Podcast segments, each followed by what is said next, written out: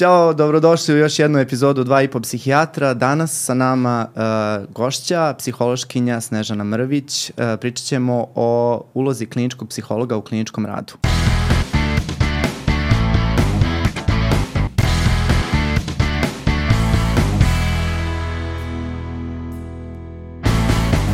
E, kao što rekoh u uh, samoj najavi, psihološkinja Snežana Mrvić danas sa mnom uh, i pričat ćemo malo o uh, ulozi psihologa u kliničkom radu. Uh, Snežo, dobrodošla, mnogo mi je drago da si danas sa nama. Hvala, bolje vas našla takođe. A, evo možemo da počnemo. Ja moram samo prvo da kažem za uvod zašto smo uopšte odlučili da dođeš ti danas ovde kod nas.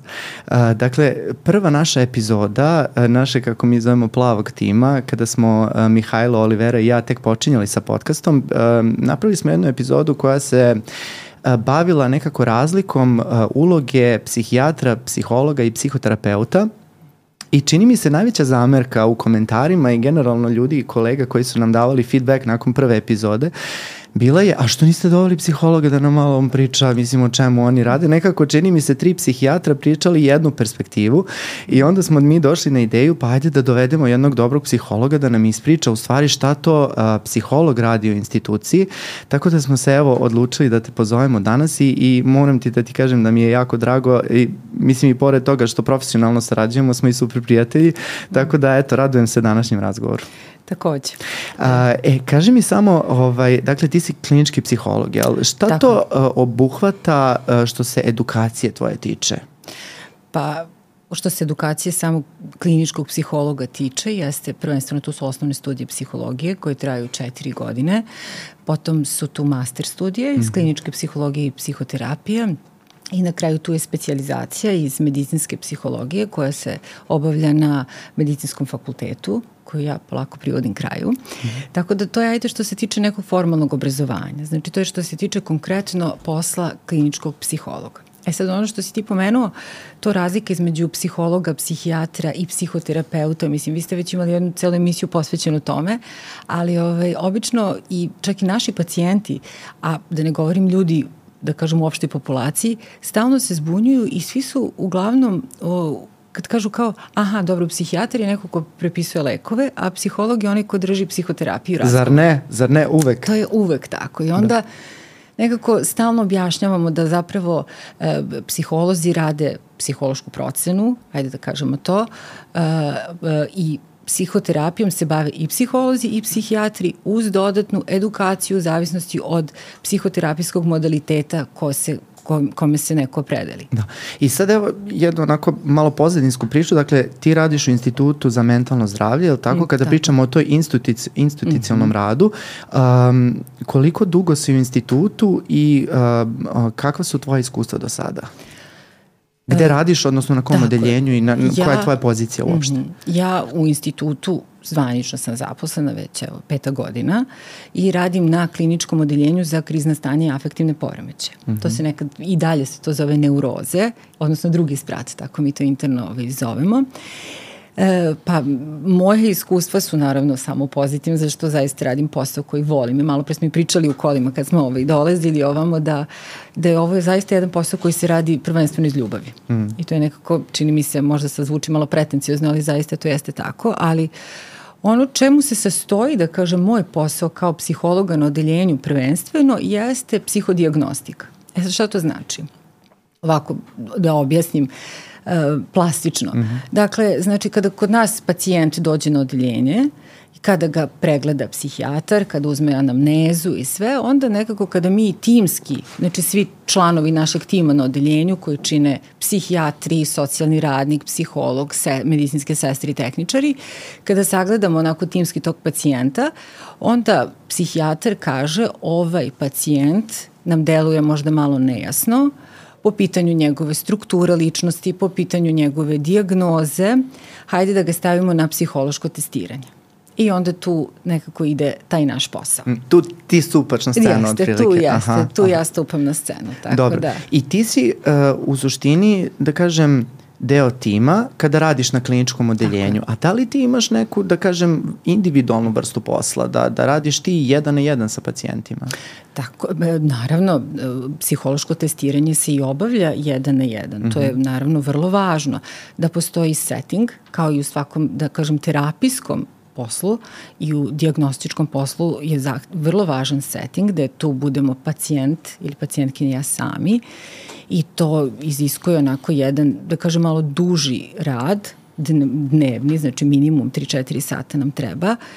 I šta to zapravo podrazumeva?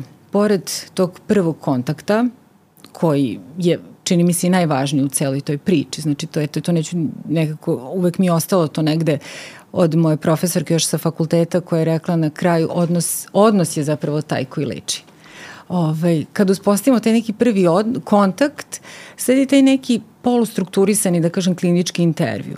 Nešto slično što rade psihijatri kada uzimaju anamnezu od pacijenta, samo što mi to malo produbimo sa druge strane, u smislu što mi onda idemo i ispitujemo i vezano i za odrastanje pacijenta, za odnose sa roditeljima, sa braćom, sestrama, sa vršnjacima u školi, sa prijateljima i tako dalje i tako dalje.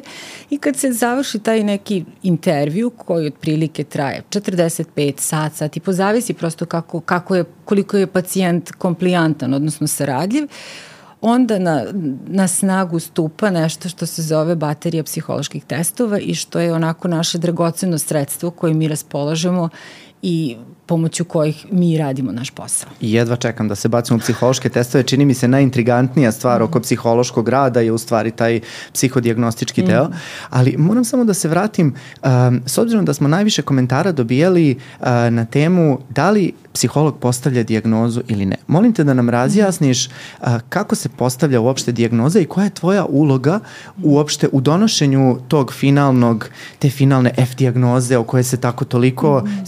Senzacionalistički priča. Da, pa dijagnozu postaje psihijatar, mislim, to je nekako ključno, ali na osnovu psihološkog nalaza i mišljenja koje ja i moje kolege napišemo, uh, uglavnom psihijatri sa kojima ja radim i sarađujem nekako uh, uvaže moje mišljenje uh, i onda mi zajedno na osnovu toga što, smo, što sam ja napisala, što sam pronašla na osnovu svih tih testova koje sam pacijentu zadala, mi nekako, odnosno psihijatar na osnovu svega toga napiše diagnozu. Međutim, ono što je značajno da nekako ne možemo mi uvek na osnovu testova o kojima ćemo, kao što ste najavio, već pričati, da uhvatimo diagnozu. Mi možemo tu da procenimo nivo funkcionisanja pacijenta, da, da procenimo, e, kao što sam već i rekla, koja je struktura ličnosti u pitanju, odnosno što se, e, možda to bi, će ljudi bolje razumeti ako kažem, na primjer, njegov karakter ili temperament osobe, crte ličnosti e, i to da li je neko psihotičan, neurotičan ili nije. To je zapravo nivo funkcionisanja. Ali sad nekad mi možemo da ne vidimo ako je pacijent depresivan, da ne možemo to nekada da vidimo. Ako je, ne znam, pacijent, e, možda čak nekad ne možemo da vidimo testovno ni da li je pacijent psihotičan, onda jeste psihotičan. Mm. Tako. I, i, I čini mi se da kada god se priča o psihološkim testovima, mm -hmm. uvek vlada jedna mistika koja e, nekako nezaobilazno prati to psihološko testiranje. I baš smo pričali u nekoliko epizoda, evo epizoda jedna sa e, ovaj, profesorom Oliverom Toškovićem mm -hmm. koji je vrsni psiholog i, i psihometrik, da kažem, mm -hmm. ona bavi se psihometrijom ceo život i, i baš je on nekako uh, razbijao tu jedno uvreženo mišljenje da su uh, psihotestovi svemoćni. Ali da. čini mi se da i dan danas kada nam dolaze pacijenti u ambulante, mm. uvek se čeka taj test. Znaš, kao, da. samo da. se čeka taj test, daj mi nešto da popunim, daj da. mi nešto da, da okružim i ti ćeš da me da. proceniš mm -hmm. i neretko dobijam uopšte uh, um, evo, mislim, ja radim nešto s roditeljima, pa dođu i kaže, evo, dovela sam moje dete da vi njemu procenite ličnost. Mm -hmm. E, I jako mi je e, super to što si rekla da nisu baš testovi svemoćni, mm -hmm. odnosno da ni test da, da. ne može baš sve da pokaže. Pa naravno, jer na, nekad mislim da ljudi, ne mislim na naše kolege, nego mislim ovako, ovaj, ljudi koji nisu iz struke, nekako te testove upoređuju kao sa skenerom, znate, kao ima, znaš, ti imaš skener, ono kao odeš da se pregledaš i onda ti on tu da nekako tačnu sliku i onda se sad to očekuje od naših testova, što nije baš uvek tako. Ili skener ili moram da priznam možda onaj test u, u Kosmopolitanu, znaš e, ono? ili to, da, da, da, da se ove... Sad ću ja da zaokružim nekih par da. stvari mm -hmm. i onda ću dole u nastavku da vidim ono mm -hmm. uh, šta moj horoskopski znak ili kako mogu to da nekako ovaj, u, da, da, da nađem opravdanje za neke svoje postupke. Ajde, ta, ta, tako kažem, da. prilike, da. da. E, ajde sad da se dotaknemo mm -hmm. samih testova, molim mm -hmm. te. Mhm. Koji su to testovi koje vi zadajete, da li zavisi od pacijenta i, i koja je u stvari, evo da kažem, finalna uloga tog testa mm -hmm. na mhm, kraju? Mm -hmm. Uglavnom se primenjuje, kod nas se primenjuje jedna standardna baterija testova koja podrazumeva test za procenu sposobnosti, intelektualnih sposobnosti i to se koristi Wexlerov individualni test, VITI, od sad se koristi 24. Zatim se zadaje te čuvene Rorschach mrlje, mm -hmm. proaktivna tehnika. Zatim da zadajemo uh, test ličnosti upitnik, Milonov upitnik ličnosti. Zatim se zadaje test uh, crtež, Mahover crtež ljudske figure. Uh, potom test ego percepcije, objasnit ću sve. Mm -hmm, ovaj. mm -hmm. I ja povremeno, za, nekad, neko zade od mojih kolega, ja ne tako često, MMPI, takođe jedan upitnik ličnosti, ja povremeno zadam pacijentima DSQ, to je test koji ovaj, procenjuje mehanizme odbrane koji su dominantni kod, kod pacijenata, ali ne uvek, mm -hmm. zavisi. E, apsolutno sad razumem zašto vam treba 3-4 sata mm. da mogu da zamislim koliko je to broj mm. pitanja, odnosno kako kažemo itema da. po svakom testu. Ajde da, da krenemo ovaj, od početka. Čini mm. mi mhm. se i, i taj um, i, ima nekako to što si navela, neki su poznati, neki su malo manje poznati, ali definitivno ja, najintrigantniji su ti testovi inteligencije, mm -hmm, tako je. testovi e, projektivne tehnike, mm -hmm. odnosno taj Rorschach i da. testovi ličnosti. Mm -hmm. I ja bih voleo nekako možda njih mm -hmm. da se najviše dotaknemo. Šta obuhvata test inteligencije i šta on konkretno mm -hmm. meri? Test inteligencije kao što mu na kraju ime samo kažu, mada mislim da je o tome mnogo bolje u prethodnom podcastu pričao ovaj, Oliver, mm -hmm. ali ono što je značajno jeste da on se sastoji zapravo od manipulativne i verbalne skale. Znači imaju po ove šest te, odnosno po tih subskala i kad to zadaš pacijentu nekako njima to uglavnom se malo uplaše u početku. Je to prvi? Je, to prvi? Jeste, to Aha. je prvi, tako je. Tako i kreće se sa tim subtestom. Pa jeste, mhm. jeste. Mm. Pogotovo, ajde kreće se sa tim nekim subtestom informacije koje obuhvate neku opštu, neku opštu informisanost. Kao na primjer? Pa, na primjer, e, prvo, odnosno ča, pošto se kreće od petog pitanja, peto pitanje, na primjer, ide, je, on je standardizovan za našu populaciju i peto pitanje ide, na primjer, koji je glavni grad Japana. Mm. Pa onda ide šta je napisao Ivo Andrić. Pa onda idu sve onako malo teže i teže, teže i teža pitanja onda u jednom trenutku, na primjer, ide, e, ne znam, gde se nalazi Suetski kanal, da, da. tako, idu malo, da kažem, obuhvata sve da segmente i istoriju i geografiju i književnost e, i različite oblasti i, ov, i onda se dosta pacijenti tu uplaše i obično me pitaju kad završimo celo testiranje, ono što me uglavnom pitaju, ja sam prošao, ja sam položio. To im bude onako ovaj, dosta značajno i strašno im je važno da čuju na kraju koliki je njihov IQ. Kako i da ne? To pa kako je, i da ne. Da. Čini mi se da se ljudi sada nekako i, mm -hmm. i takmiče u tom, jest, ovaj, jest, po tom iku. Da, da, da. I e, tačno, izviniš da prekidam, mm -hmm. ali tačno vidim kada, naravno, posle ide subtest, uh, ne, neizmenično ide jedan test, jedan deo iz te verbalne, jedan deo iz manipulativne skale, ali ovaj, ako, na primer, pošto naravno to je nekako postignuće u datom trenutku, eh, pogotovo kod depresivnih pacijenata, često se desi da budu rezultati mnogo lošiji nego što bi inače bili kod takođe anksioznih pacijenata, prosto nekad to nije realna slika njihovih kapaciteta I onda oni se dosta uplaše nekad i kad se to završi e, imam utisak da se još više nekako e, razočaraju sebe. Da demotivišu. Da, demotivišu, mm. da, da, da. Da. Pa, a pogotovo ti radiš na jednom, da kažem, evo rekla si krizna stanja mm -hmm. i mhm. afektivni poremećaj. Znači da. to su ljudi koji dolaze u nekoj vrsti krize i baš sam to hteo da te mm. pitam da li njih, od njihovog trenutnog stanja u stvari zavise njihova postignuća mnogo, na testu. Da, da, da, mnogo, mnogo. Ja to često nalazim i kažem.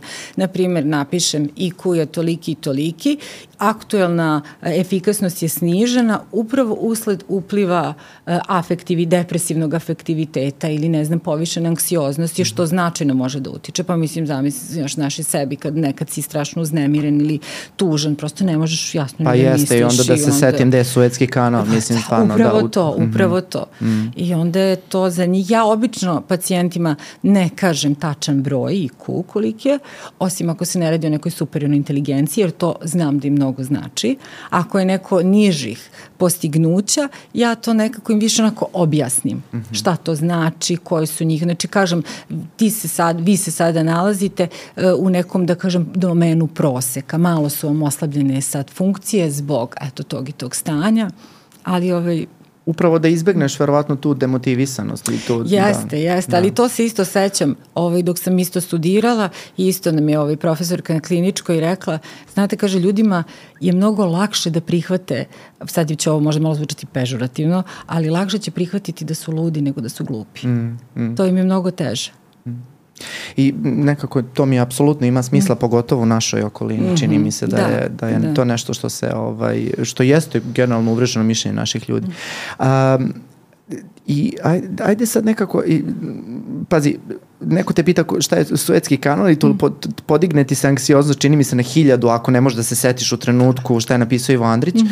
I onda te tek čekaju uh, gomila pitanja o ličnosti, mm -hmm. ne znam ti da. nija. I verovatno je i psihološko testiranje dosta iscrpno za pacijente. Da, veoma, mm. veoma iscrpno, da. da, da. I uh, baš se zbog toga pitam, jer mi vrlo često čekamo da mhm. kažem po znacima navoda da se pacijent stabilizuje da, da bi se da. onda psihološki mm -hmm, testirao. Tako je, tako A vrlo često dolaze nekako u akutnoj toj, mm -hmm. kako mi mhm. kažemo, dekompenzaciji stanja, odnosno dolaze mm -hmm. u kriznom stanju, nešto sasvim nije u redu i onda mm -hmm. kaže ja, ja bi sad da uradim taj test, ma kakav crni test, Naravno, počekaj malo da. da se smiriš pa ćemo mm -hmm. onda videti da. E dobro, i uh, ajde sad da se dotaknemo tog famoznog Rorschacha. Znači, uh, Rorschach je nešto što je zastupljeno u svim medijima od, od, mm -hmm. od kad je, čini mi se, od kad postoji postoji, da. dosta je intrigantan mm. i znam i dosta filmova i serija i medijskih ličnosti koji su mm -hmm. o mhm. tome pričali i ovaj, molim te sad da nam razbiješ to šta sve Rošah može, šta sve uopšte Rošah jeste i šta obuhvata, evo mm. za mhm. ljude koji nikad nisu čuli šta je Rošah, da nam nekako mm -hmm. objasni šta je to. Evo ovako, potrudit ću se da budemo onako što konciznije i nekako što jasnija.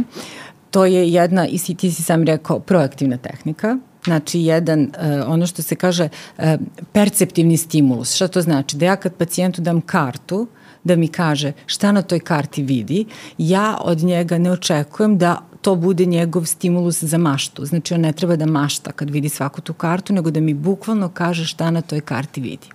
A to Jer su one mrlje, je li to tako? To su one mrlje, tako je, ima 10 karata, teste se stoje od 10 karata i svaki pojedinac vidi nešto tu. Neko vidi slično, neko vidi različito, postoji nešto što se zove, e, što se zove popularni odgovori, zato što e, taj test je, nije kod nas standardizovan na našoj populaciji, ali je nekako urađene su brojne empirijske provere, postoji po Exneru, uh, jedan način, da kažem, kodiranja, znači to nije sada moja slobodna procena. Sad, na primjer, ti meni kažeš, vidiš na ovoj karti leptiran, ili ne znam na jednoj četvrtoj čuvenoj karti nekad se to tumačilo. Na toj karti ne znam da je ona predstavljala kao to se sećam figuru oca. Znači to sad više ne postoji. Zaista postoji jedan kodni sistem gde se svaki odgovor beleži postoji tačno kodiranje šta to znači po kojim determinantama boji onda sve to. Kad to je zaista jedan veliki posao i postoji posebna edukacija za Rorschachove karte. Znači ne može svako da zadaje Rorschach karte. Mislim morate prođeti tu edukaciju koja traje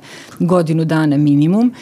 I do, samo zadavanje traje između 45 minuta i sat i po vremena, pa kodiranje toga, pa tako da je to jedan zaista veliki posao, ali je to jedan po meni ne samo po meni, po mnogima, izuzetan ovaj, test koji može da bude zaista dragocen u diagnostici ako je e, validan protokol, odnosno ako je pacijent e, ono što se kaže iskreno odgovara. Mm. A, ali može da deluje sad uh, nekim ljudima koji ne znaju ovo sad sve što ti, ti ispričala, da gledaju ko, da deluje kao neko gledanje u šolju. Znaš, e, ono, da, da, da, pa može, bukvalno, Znaš, ono da, da, da. maštanje neko jeste, šta ti jeste. sad meni procenjuješ mm -hmm. na mhm. osnovu onoga što ja vidim. Da. I jako mi je drago što si rekla, dakle, postoje serije istraživanja, da. kodiranja da. i mhm. svega što u stvari daje na validnosti mm -hmm. tom, Tako je, tom testu. I moram priznati, sam test je onako zabavan. Nije klasično mm -hmm. ono pitanje, odgovor, 1 do 5, zaokruži mm -hmm. nešto i šta ti ja znam, nego je onako interesantno. I sećam se sada, ovaj, kad smo mi krenuli na specializaciju, mi smo stalno lovili psihologe po institutu da nam rade rošaka, jer ne možeš da, da, da mislim, kako ti kažem, ne može, mora, jako da. interesantno, jako yes. interesantno ti neko, jesi radila ti, mislim, jel ti tebi neko radio rošak? Jeste, u početku, da, da, u da, početku, jeste, da. jeste, ali sad, sad ne bi imalo smisla, bi bilo potpuno nevalidno, pošto da, jeste, da, jeste. Da, da, da, ali jako, jako interesantno, moram priznati. I šta Rorschach može da pokaže? Za, za šta on služi? Pa on služi i da proceni da li je, odnosno može da pokaže da li je neki pacijent psihotičan, znači da li mu je test realiteta oštećen, može da pokaže e, taj jedan klaster u tom kodiranju, može da pokaže kakvi su njegovi, na primer, odnosi sa drugim ljudima, kakav je on u odnosima s drugim ljudima, da li je pasivan, da li je aktivan, da li je e, povučen, da li je onako malo izbegavajući, e, može da proceni tu self-percepciju, što znači kako mi vidimo sebe, e, nivo narcizma, ono što je vrlo, ovaj, što, to mislim i svi već znaju, ovaj, ali na primer ima par nekih karata gde kad pacijenti kažu da vide odraz u ogledalu, to odmah zvoni zvoni, to se odmah nekako kodira kao Notira refleksija, odnosno jednako narcizam. Da, to ne mora naravno da bude narcistični poremećaj ličnosti, to mogu da budu samo narcistične crte koje su nekada i poželjne, ali ovaj, to nam uvek nekako bude jedan onako marker. Mm -hmm. I um, na kraju dolazimo do testova ličnosti mm -hmm. i čini mi se od sva ova tri mm -hmm. nekako najteža pilula za progutati onako ako ti taj mm -hmm. test pokaže neke crte mm -hmm. kojih nisi svesna ni nešto mm -hmm. da ti onako obeležite za života jer to je nešto što ajde ovako nekako mm -hmm. kad radiš test inteligencije u trenutku možda bude drugačije pa onda radiš ošaha pa ti on isto tako pokazuje u trenutku kakva je tvoja percepcija kako mm -hmm. ona mhm. utiče i tako ali test ličnosti je nešto mm -hmm. drugo Da. Čini mi se, sad ne znam, mm -hmm. ti me mhm. ispravi mm -hmm. nekako. Pa, e, ono što bih samo dodala jeste da e, i kod, e, kod testova ličnosti, kod tih testova upitničkog tipa, e, dosta može da se simulira, odnosno da se disimulira. Znači mogu da se daju dosta e, socijalno poželjni odgovori, odnosno ako neki pacijent ima tendenciju da se prikažu što boljem svetlu, u zavisnosti od toga zbog čega radi testiranje, odnosno nekad u lošijem svetlu. E, tako da bi se samo vratila sekundu na Rošaha, da je on u tom smislu, da na primjer, dosta se pacijenti drže tokom testiranja, onako nije im ništa, oni su zdraviji nego što jesu, ali se onda nekako najbolje pokažu na Rošahu. Tu se nekako onako nesvesno otvore. Mm. Zna, znaš, to je onako baš ovaj, dosta... E sad, da se vratimo na, na test. Konkretno, ja najviše volim i zadem Milonu upitnih ličnosti. Uh, koji se sastoji od 170 pitanja. Sunce ti. Da. I to zaista, da, i tako reaguju i pacijenti kad vide.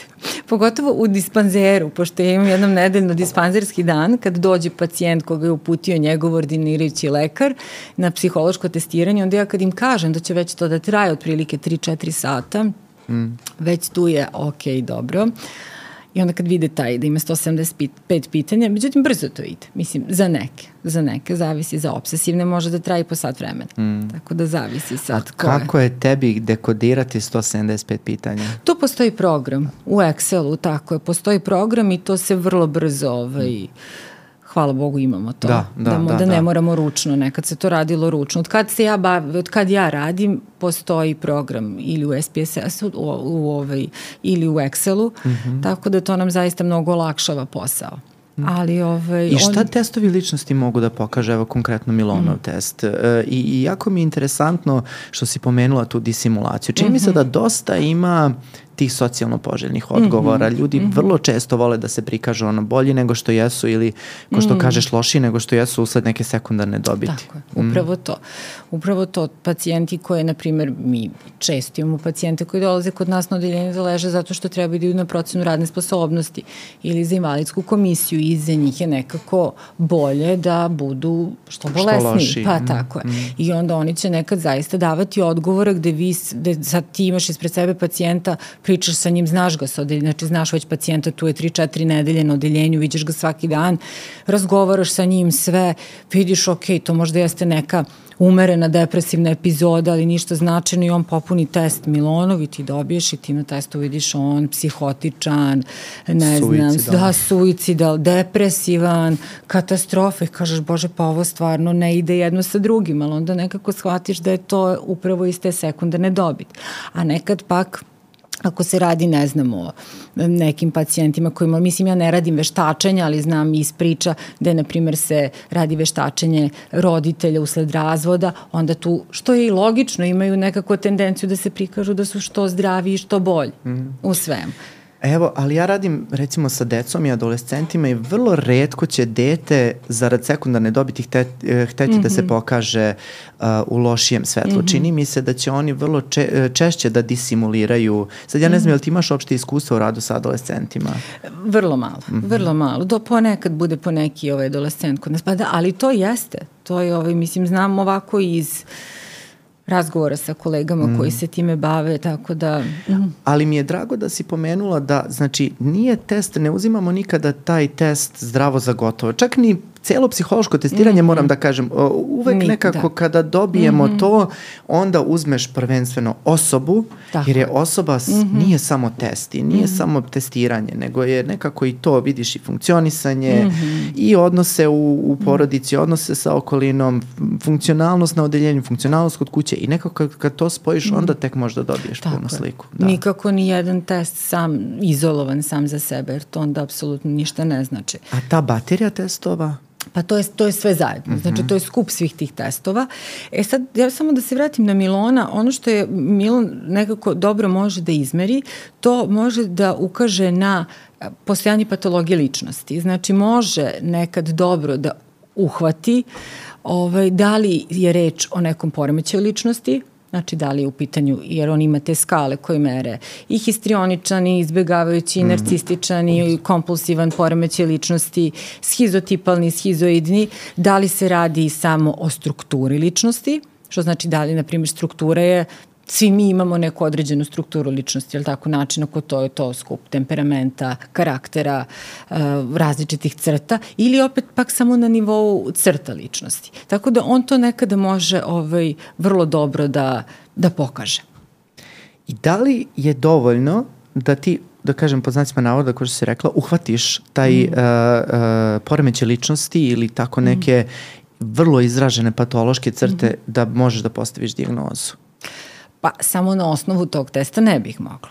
Nikako ali na osnovu svega toga, na osnovu, e, kao što smo i rekli, tog prvog intervjua, tog odnosa, tog, e, ne znam, ponašanja, jer mnogo je lakše raditi i testirati pacijente koji leže na odeljenju. Zato što ja njih, kao što sam već i rekla, viđam svaki dan i vidim kako oni funkcionišu sa drugim pacijentima, kakvi su u odnosima sa e, tehničarima, sestrama, lekarima. Nekako prosto se vidi to neko njihovo svakodnevno funkcionisanje, ali u tim, da kažem, zatvorenim okolnostima, kao što je naše kao što je odeljenje, naše odeljenje je zatvoreno odeljenje.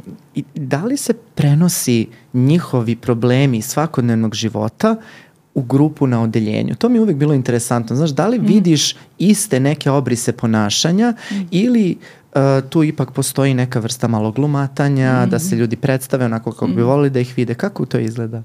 Pa ima svega. Mm. Ima do, dosta njih, naravno se to pretvara glumi, pokazuje neku svoju, ono što Jung govori, personu, znači ono jedan deo ličnosti koji je mi želimo da prikažemo našem svetu, ali e, u nekim situacijama dolazi do gubitka kontrole i pokazuje svoje pravo lice. Znači, On, ipak ne, ispliva. Ispliva, ne pravo lice, nego prosto dođe njihova patologija do mm, izražaja. Sad, mm. da li je to patologija ličnosti, da li je to poslica aktualnog stanja, to sve, ovaj, sve zavisi, jer mm. mi baš kod nas na odeljenju za krizna stanja i afektivne poremeće, pored pacijenata koji pate od depresivnog poremeća, od anksioznog poremećaja. E, ima dosta pacijenata koji e, su, da kažem, emocionalno nestabilne ličnosti, što pripada tom da poremećima ličnosti i onda nekako to sve kad se ovaj, pomeša kad se nekako ovaj, oni svi među sobom i e, združe, posvađaju, mislim tu imate svega i svačaka, imaš svega i svačaka. Mm. Mm, mogu da znam, mislim, znam, da. ja radim na kliničkom odeljenju da. i točno znam o čemu pričaš, mm -hmm. ali me zanima koliko odraslima treba uh, vremena da se, uh, da kažem, da se puste te kočnice, znaš, ono, da se, da se potpuno nekako skinu sve te mm. inhibicije i da se uplovi mm. u, to, u to neko funkcionalno. Sam pretpostavljam da je individualno, ali imaš neku... Pa individualno je, ali dosta, mislim, ljudi su generalno, pogotovo naši pacijenti na našem odeljenju, uh, svi su oni vulnerabilni i senzitivni i onda u tim stanjima kad im je loša oni budu regresivni i onda oni zaista budu skloni dečjem ponašanju. Tako da ponekad zaista kao da su i oni se ponašaju kao deca. Kada dođe tako do nekog sukoba, kada dođe do svađa među, ne znam, između cimera, pa traže da se prebace u drugu sobu zato što, ne znam, ovaj mu ne odgovara, pa se stvaraju isto tako neke grupe, klike, ovaj, isto, kao u srednjoj školi nekad, -hmm. ali prosto mi koji radimo taj posao nekako znamo da to ide, ne ide to tek tako, mislim, to je deo njihovog stanja. Da. A moram priznati da se i, mno, i mi generalno i koji nismo mm. hospitalizovani vrlo često regresivno ponašamo. Moram, pa u uslovima stresa, svi smo da skloni Vratimo regresiji, se malo na regresiju. Je, da. da. E, da. A ovaj, mi dugo evo planiramo da pričamo malo o poremećajima ličnosti mm. i ovaj, nikako da nađem nekog sagovornika da se kažemo kuraži da malo uh, uplivamo malo dublje u tu temu i sad uh, ne moramo nešto sad duboko da zalazimo, mm -hmm. ali s obzirom da smo pomenuli poremećaj ličnosti već nekoliko puta, mm -hmm. mislim da bi bilo dobro da to malo definišemo i da mm -hmm. nekako slušalcima objasnimo šta to u stvari znači i šta je taj klinički entitet koji je tako intrigantan. Mm -hmm. Da, što je ovaj, skoro sam pričala sa nekim ovaj, s, s nekim prijateljima kako ovaj, svaka epo, svaki period, da kažem, i pogotovo sad, ovo kod milenijalaca i kod ove Z, kako se zove nova generacija, ali to Z, Z generation? Da, generation, da. da. Ove, ovaj, imaju tako neke diagnoze koje su trend pa je to sada, sad su najaktuelniji ADHD i visokofunkcionalni autizam, a neposredno pre toga je bio granični poremeć ličnosti, I, a pre toga je bio bipolarni afektivni poremeć, na primjer. A, to, to je bilo nekako kao u trendu da se ima ta, ta ovaj, diagnoza, posebno borderline personality disorder, to je mm -hmm. kao, ovaj, da li to, verovatno se o tome dosta i u filmovima nekako, dosta se to ovaj, prikazivalo, tako da je meni, ovaj, i meni su pacijenti koji, da kažem, imaju poremeće ličnosti, najintrigantniji i nekako najzahtevniji za rad. Ali nekako i najizazovniji i, i, i, i, i vidim kad god da. pričam sa tobom, mm. vidim tu strast i tvoju posvećenost da. u radu sa pacijentima poremećem, sa poremećem ličnosti, da. što moram da kažem nije uobičajeno. Znači nije. postoje mm. uh, tako neke da kažem teška, teška stanja od mm -hmm. kojih kliničari, moram priznati, često nisu spremni ili ne vole da se uhvataju koštac, mm -hmm. da imaju tako, poznate su u našim, da kažem, krugovima neke, mm -hmm. da kažem, patološka stanja ili problemi sa kojima je lakše, sa kojima je teže, evo konkretno kod nas niko ne želi da radi sa traumatizovanim mm -hmm. osobama, niko ne želi da radi sa zlostavljanom da. decom, da. ali opet nekako neko mora i mm -hmm. tako je kako tako. je. E, otkud uopšte ideja tvoja da se, uh, da se upustiš u tako jedan, um, kako da kažem, zahtevan klinički rad sa, mm. sa, sa, sa takvom vrstom ovaj, Ja samo da stanja. da kažem da se distanciram u smislu da, da mi na odeljenju radimo i sa svi, mislim i sa depresivnim pacijentima i sa, i sa pacijentima koji pate od anksioznog poremećaja, ali naravno da ima, jer je često uvek to da li e, je e, to je ono kao šta je starije kokoška ili jaje, da li je nečija ličnost takva pa zbog te ličnosti dolazi do kasnije razvoja depresije ili obrnuto, ili je razvoj, ne znam, depresivni poremećaj dovede do trajne, ne znam, promena ličnosti neko, ili neko traumatsko iskustvo ili šta već, ali svakako kao što je uh, 19. vek, odnosno 20. vek bio vek neuroza, tako je sad i ovaj 21. vek vek poremeća, odnosno patologije ličnosti. A šta, šta misliš zašto? Pa zašto ima tu verovatno dosta, ovaj, dosta faktora koji, koji su, čini mi se, uticali na to sad ima.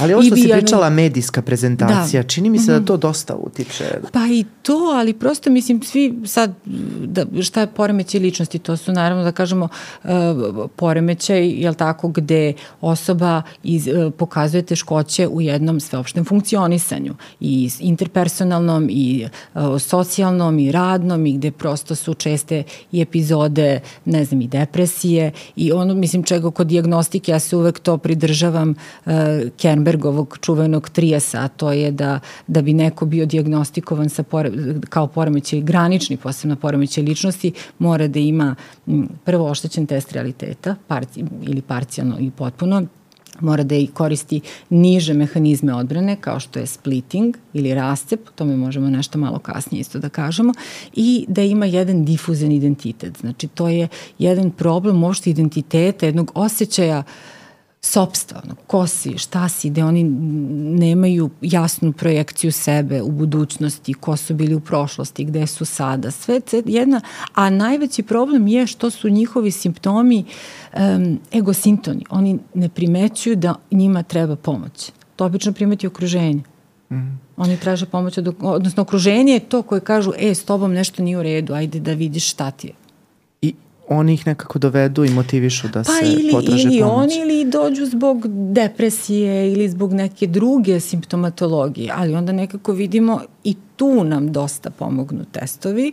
Gde, na primjer, u osnovi pacijent dođe zato što je depresivan, e, zato što ima nagle promene raspoloženja, ali aktualno, na primjer, klini, depresivna klinička slika i onda na osnovu testova, ali naravno i na osnovu pažanja njegovog, odnosno kako je on se ponašao sve vreme ili ona na odeljenju, još ako te, testovno dobijemo potvrdu, da se tu zaista radi o nekom poremeću ličnosti ili kako mi to u praksi kažemo PL-u, da. ovaj, onda nam to mnogo znači kasnije, mislim, psihijatrima znači zbog dalje lečenja i I, I dobro, i šta sad obuhvata sve poremeće ličnosti? To dotakla si se nečega što se mi u psihijatriji vrlo često dotičemo, a to je funkcionalnost, dakle, mm -hmm. dakle odnosno disfunkcionalnost Dis, da. u različitim. Je li ima mm -hmm. nešto još što objedinjuje, je li ovo Kerbegovo što si nam, mm -hmm. e, rekla, ove tri stvari, je li to nešto što objedinjuje sve poremeće ličnosti ili samo granični pa, poremeće? Pa to je nešto što se najviše odnosi na granični mm -hmm. poremeće ličnosti. Naravno, to su samo to je njegov taj kao, da kažem, zlatni trijas. Postoji tu još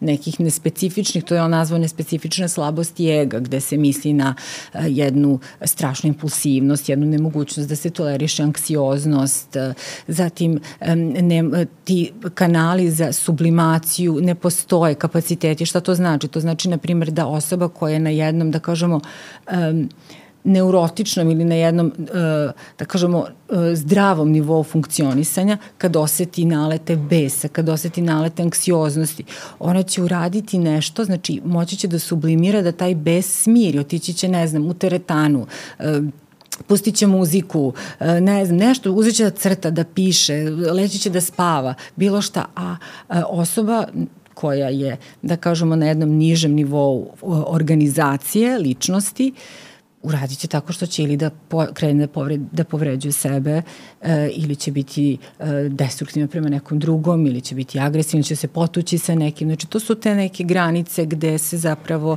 i to znači ta mogućnost da se sublimi, znači da se nekako energija e, osobe duševna investira u nešto korisno. I uh, ajde, postoje razni poremeće ličnosti, mm. ali čini mi se da najzastupljeniji nešto mm. što se najviše nekako provlači kroz kliničku praksu je taj granični poremeće da. ličnosti. Da. I postoje neke njegove karakteristike za koje se, moram da kažem, i kliničari i pacijenti uh, vezuju, mm -hmm. um, u smislu da su to neke dominantne karakteristike i da to uh, je nešto što mi zovemo kao patognomoničan znak. Odnosno da, ako se neko samo povređuje, mm -hmm. to mora da znači da je on uh, granični mm -hmm. poremeće ličnosti. -hmm. Molim te sad da nam kažeš da li je to istina, mm -hmm. jer mi imamo, evo i pravili smo, čini mi se da nam treba epizoda o graničnom poremećaju ličnosti. To definitivno, da, da, da, da, da, mislim da ima tu mnogo stručnih od mene koji će toj temi ajde, da govore. Evo ako kao iz iskustva tvo, tebe kao kliničkog psihologa, um, da li uh, per se mora da znači, pošto ja mnogo radim sa adolescentima, da, da li mora da znači da neko kada se samo povređuje, mora da znači da je granični poremećaj ličnosti? Mm -hmm. Ja mislim da nema. Mislim, ono što postoje i brojne studije, i, ali nekako ajde da se sada držimo i te naše kliničke prakse, ali mislim ti sam znaš ti radiš sa decom i radiš sa adolescentima. Nekad je bilo da dijagnoza poremeća ličnosti ne može da se postavi pre 18. godine, tako? Tako je, tako je. To se, I naravno i sada i sa ovaj, uh, sa DSM-om 5 nema više tog, da kažem, kategorijalnog pristupa, da su sad, ne znam, da sad kaže da je neko ili granični ili narcistični poremećaj ličnosti. Sad je više taj dimenzionalni pristup, znači poremećaj postoji u nekom određenom, jel tako, nivou je prisutna sada, da li manje ili više. Tako da možda neko u trenutku um, ne, ne može samo na osnovu jednog znaka zapravo. I jako mi je bitno da to diferenciramo mm. tako, jer se mnogo uh, roditelja dolazi kod nas mm. zabrinuto, ukuca na internetu recimo mm -hmm. samo povređivanje da. i odma izlazi da. uh, borderline personality da, disorder. Da, Čini da, mi se da, kao da. po defaultu. Da, da. I onda dolaze prestravljeni roditelji mm -hmm. i mi ne možemo nekako to što si rekla, znači pre 18. godine pa ljudi moji nije se završio ni sazrevanje da ličnosti. Pravo to, da. A pogotovo da ne pričamo o neuroanatomskim mm. strukturama koje u stvari kontrolišu mm. a, koje pomažu adolescentima da kontrolišu ponašanje koje se razvijaju tek posle 20 da. i 22. godine. A emocije bujaju ili bujaju u tom periodu, je li tako? Apsolutno, tako da, apsolutno treba is, ishendlovati ceo taj da, da, pubertetski da. zalet. A naravno, da, pogodno. E, a sad mi kaži samo, ovaj, ima do duše jedna stvar koja je uh, baš karakteristična za granični poremećaj mm -hmm. ličnosti i to nekako kroz našu edukaciju se vrlo često pro, provlači, -hmm. ali evo, pošto znam da nas gledaju studenti medicine i psiholozi na edukaciji i tako dalje, da se dotaknemo malo te teme splittinga. Aha. Šta je splitting? Jer, jer da. o, to je stvarno nešto što se baš vezuje za granični poremećaj mm -hmm. ličnosti i čini mi se ni za šta drugo. Mm -hmm. Da, pa splitting je jedan uh, ili rascep, kako mi, mi imamo reč, mada svi uglavnom koristimo splitting, ovaj mehanizam odbrane koji je, da kažemo, e, niži, nezreo mehanizam odbrane. Znači, mehanizmi odbrane, većina nas zna šta su to, znači to, to mi svi imamo. Ne, ne moramo da budemo bolesni, ne moramo, prosto svi ljudi imaju mehanizme odbrane koji su nesvesni i koji nekako služe da se naš ego, ajde da kažemo, štiti. Znači oni nam pomažu. I sada imamo mehanizme odbrane koji su zreli, koje dosta nas koristi, kao što je, na primjer, racionalizacija, onda potiskivanje, na primjer, da stalno radimo nešto, nam se dešava loše, stalno tražimo nekako razlog, objašnjavamo zašto, kako. Imamo neurotske mehanizme odbrane, među kojima je dosta, e, ne znam, zastupljena, na primjer, reaktivna formacija to je... Šta bi to značilo? Reaktivna formacija je, na primjer, pa to je nešto, nije, nije pasivna agresija, ali, na primjer, neko ko je ne, ovaj, malo viši nivo, da kažem, od pasivne agresije. Na primjer, ja sam sad, ovaj, e, ti mene, na primjer, sada strašno nerviraš i ti u meni strašnu agresivnost budiš, ali ja sad umesto da krenem da se svađam s tobom i da se derem na tebe, ja ću biti toliko ljubazna prema tebi da je to, čak i preterano ću biti ljubazna. Znači, ta neka preterana ljubaznost, mm. kada osetiš da je neko toliko fin i dobar prema tebi, bez nekog posebnog razloga, da malo sumnjivo. Znači, da je definitivno definitivno da je u reaktivnoj formaciji. Dobro. Da, i imamo te niže, odnosno nezrele mehanizme odbrane, među kojima je taj, kao što si rekao, čuveni splitting. Što me zapravo i samo ime kaže, znači podeljeno je sve nekako ili ili. Znači, kod, i, a što je to zastupljeno kod, kod graničnih? Zato što oni ne mogu nekako da tolerišu um, ambivalenciju svojih osjećanja u odnosu na uh, primarni objekt, primar, znači u odnosu na nek, značajnu figuru u svom životu počeši od majke u najranijem detinstvu, pa onda kasnije preko svojih partnerskih odnosa. Znači tu ta osoba, i za, za, jer granični nemaju celovite te objekte e, koje su nekako usvojili od najranijeg detinstva, nego su oni dalje nekako ostali parcijalni, znači vide se kao delovi ličnosti. A šta to znači? Da, na primer, e, ja sad imam, ne znam, svog partnera, svog muža, koji je super, najbolji na svetu, dovoljno je jednu stvar da uradi koja nije koja, koja će u meni da probudi nešto neku sumnju, neku agresiju, neku ljutnju, ne, neki strah, nešto i automatski se poništava sve do sada što je bilo dobro kod te osobe. Automatski ta osoba postaje moj progonitelj i nešto najgore u mom životu. -hmm. Znači ne postoji sredina. -hmm. I to je ono što je tipično kod graničnih. I tako za sve u životu, ne samo za odnose, nego apsolutno za sve stvari posao, pri, prijatelji, bilo šta. Moj posao je odličan, fenomenalan. Ja sam danas, ne znam, najbolje na svom poslu. Sve, dobijem jednu opomenu od šefa, menjam posao, to ništa ne valja i tako. Mislim. Mm. I sve, sve je od prilike tako. Znači plastično nekako da objasnimo bukvalno crno ili belo. Buko, tako je, tako da, nema, nema sivila, tako, da, da, da. tako, da, jest, da, da. Jest. Ja se sad okrećem dok ti pričaš, pokušavam da nađem, ne znam da li smo ovaj, tu knjigu ovde ostavili, znači ima jedna sjajna knjiga, ovaj, uh, granični poremećaj ličnosti i sva njegova lica, ne znam da, da li si, da, da, pa da. to je moje uč Biblija, ono Biblija. što se kaže, da, da, da, da, da, da. jest. I stvarno, Jest. stvarno jako dobro, jako Da. dobro ovaj, opisan Da. upravo koncept graničnog poremećaja Tako je, ličnosti. E sad, um, kaži mi, da li kada radiš sa, sa e, da kažem klijentima, pacijentima koji ovaj, imaju granični poremećaj ličnosti, šta je najveći izazov u radu? Šta, sa čim se nekako najviše suočavaš? Da, šta ti je najteže i, i da li, m, kako, kako se uopšte, um, pošto sam rekao da uopšte to nije popularna, da kažem, grupacija ljudi za, za, za upuštati se u rad? Pa vrlo je izazovno. Baš zato, baš Zato što si najbolji i najgori terapeut u zavisnosti od da dana. Kažem. Upravo to sam htela da kažem da se mi ovaj, da se mnogo, eh, da su meni moji učitelji, da kažem, mentori eh, i mnogo iskusniji od mene govorili da se vrlo lako eh, terapeut upeca upravo na to i to ide iz nekog našeg ličnog narcizma, gde si danas najbolji terapeut na svetu i gde si danas ono sve i onda je dovoljno samo jedna mala stvar, jedna mala nesvesna kritika upućena šta god pacijentu i ti potpuno se poništavaš i više ne postojiš. I mnogo je teško boriti se sa tim. E sad, zašto je meni to interesantno, to je ovaj, više onako rad za moj kauč i za moju ličnu analizu, šalim se, ali je svakako je nekako izazovno, jer e, poremećaj ličnosti, mislim, ja sad ne želim da e, ono što se kaže e, da, da ovaj, k, e, da sad to zvuči da estradizujem zapravo patologiju, ali hoću da kažem da uh, oni mogu da budu vrlo zanimljivi, zavodljivi uh, i vrlo nekako, a to ide sve naravno iz njihove manipulativnosti. Tako da sve to samo po sebi može da bude onako jedan um, izazov mm. za rad. Mm. A kako oni funkcionišu u grupi?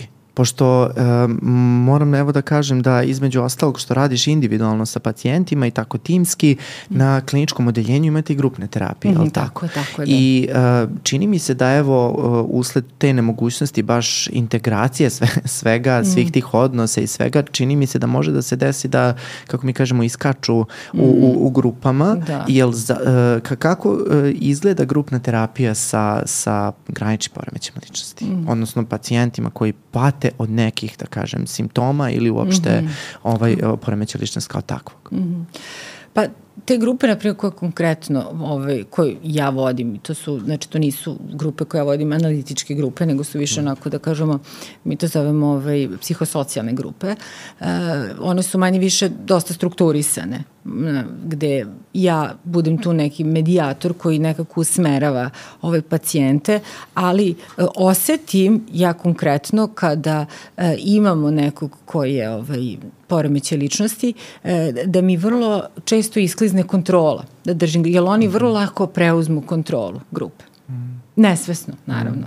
Nije to, nije to ni njihov plan, jednostavno nesvesno kroz neki drugi mehanizam odbrane, projektivnu identifikaciju, uspeju vrlo lako da nekako svoja neka osjećanja, svoje neke agre, svoju neku agresiju ubace uh, i u druge pacijente, nekad i u mene, i da nekako oni to odigravaju. I onda vrlo često nekad bude, ne baš tako često, ali bude nekada malo ovaj, nekih razmirica, rasprava, nečega, ali prosto uspemo na kraju da se vratimo na, na, pravi, na kolosek odakle smo krenuli. Šta je projektivna identifikacija? A možeš onako plastično, da ne no. moramo sad teorijski, da, ali pa mi je to jako... plastično da. i hoću, da. da, da.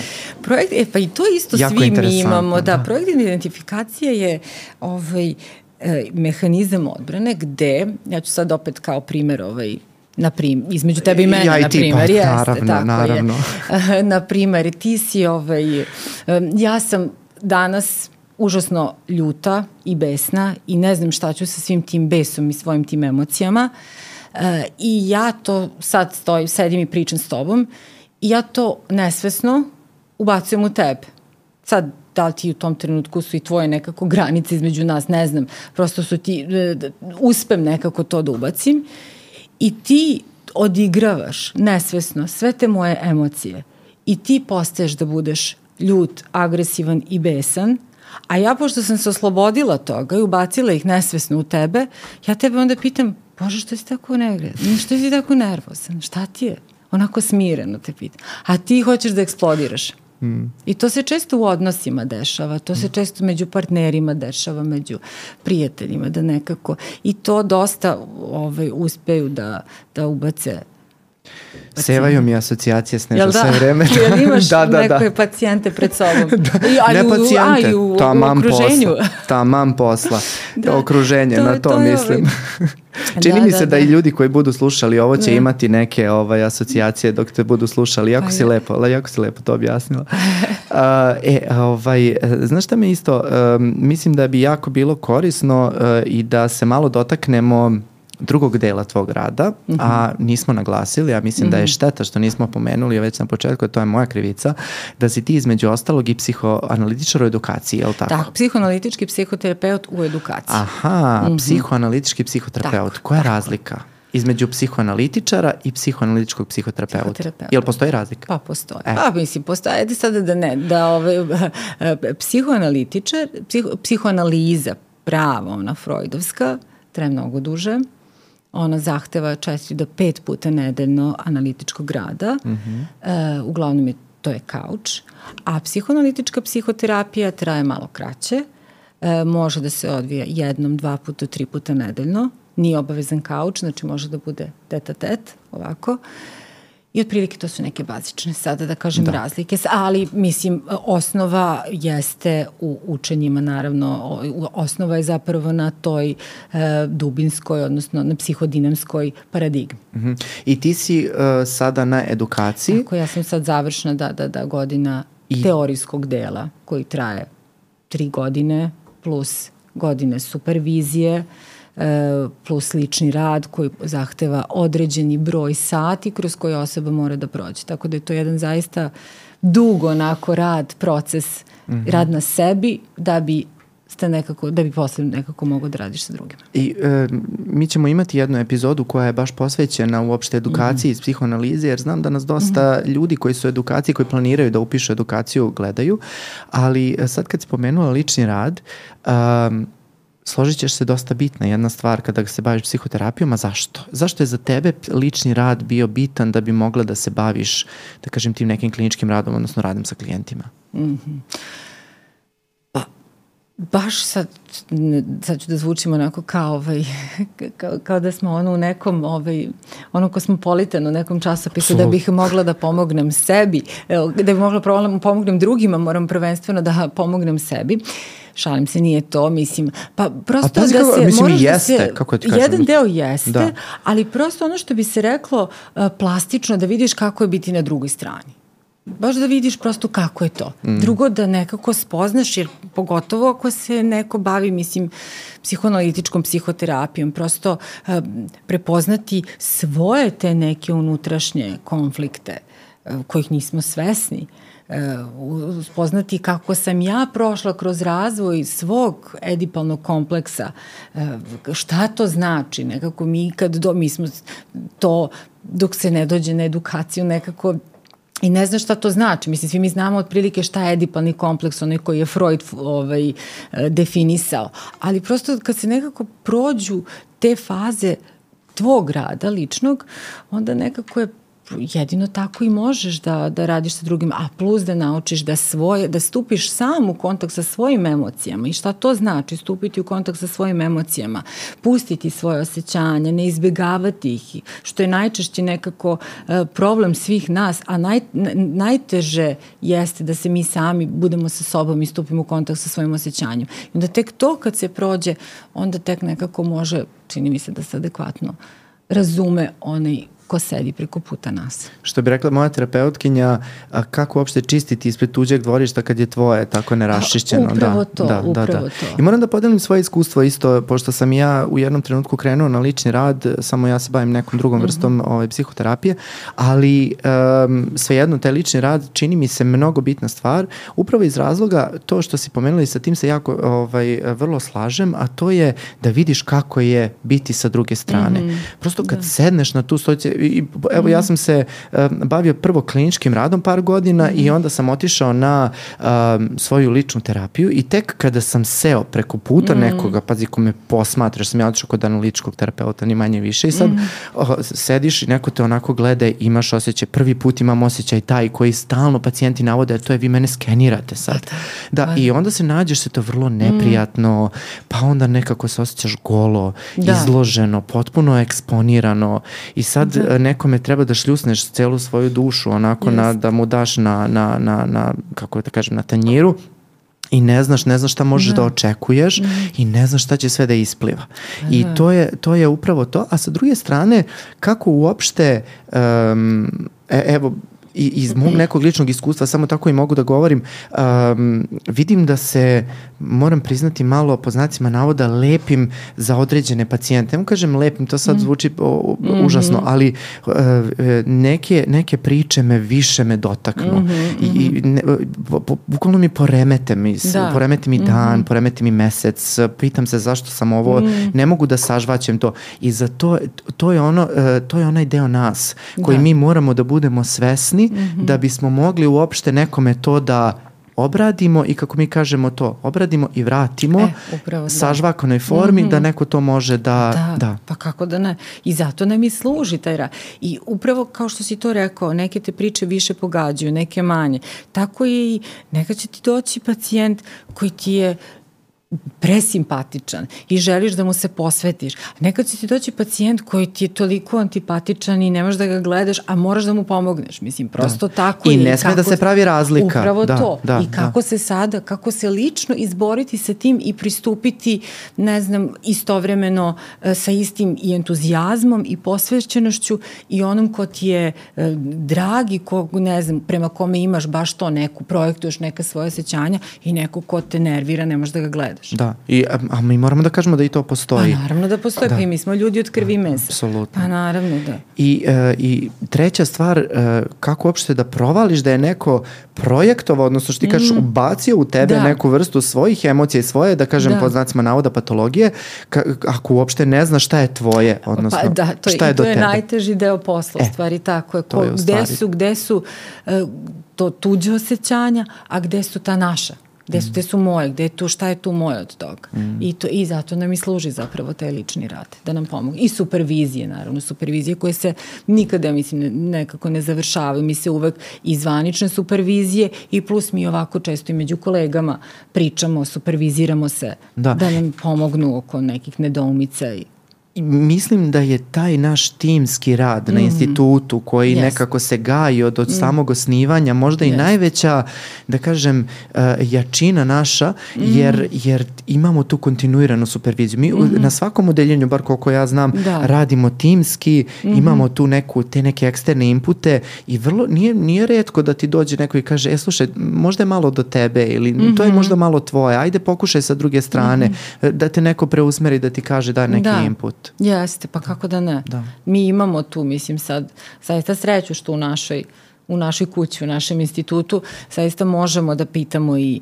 e, iskusnije kolege i da se mi, mi ovaj, koji imamo manje iskustva među sobom nekako e, konsultujemo, da govorim i mi psiholozi među sobom i mi psiholozi sa psihijatrima, prosto nekako svi smo tu jedni za druge, što je u suštini nekako i, I poenta, i poenta mm. jeste, jer smo mi tu zapravo da zbog, paci, zbog naših pacijenata, to je u mhm. stvari, mi smo tu zbog njih. Mm -hmm. I uh, pričao sam sa nekim ljudima koji se isključivo bave privatnom praksom, ti se mm. između ostalog, jel tako radiš i privatno, ako se dobro sećam? Imam par klijentkinja sa kojima radim, još uvek nisam se mnogo angažovala na tom putu, ali moram i zbog supervizije i svega, ali imam par pacijentkinja s kojima radim. I u tom smislu, uh, šta je zahtevnije, odnosno šta je, uh, koja je razlika, šta, mm. šta ti fali u jednom, a šta u drugom nekako, je li ima, je li ima uopšte razlike?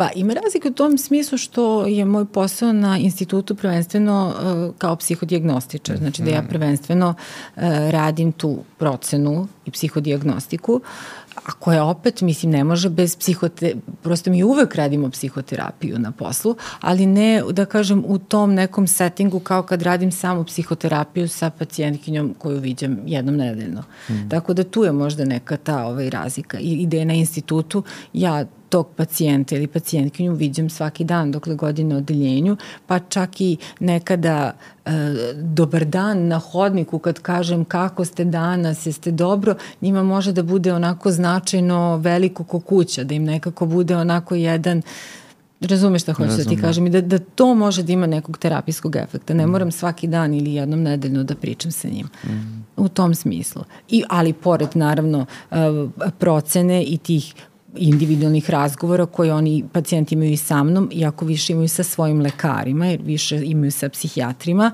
ove razgovore, ja im držim i već pomenute grupe koje smo rekli, ovaj, mm. psihosocijalne, odnosno terapiju filmom, o čemu ćemo možda malo da... Da, mhm. i samo, samo još jedno da pomenem, mm -hmm. dakle pričao sam se ovako neformalno jedno mini istraživanje sa nekim kolegama koji mm -hmm. samo radi isključivo u privatnoj praksi i kad god ih pitam šta je ono što, je, što ti nedostaje od kad si otišao iz mhm. institucije, mm -hmm. pošto uglavnom većina nekako kolega čini mi se da prođe kroz neku instituciju, pa mm -hmm. onda da ode da se bavi ovaj, privatnom praksom. Uh, mislim mm -hmm. da mhm. sve ima svoje ovaj, mani i prednosti, ali kada, kada pitam ovaj, šta je to što ti nedostaje, uvek se pominju ti timovi.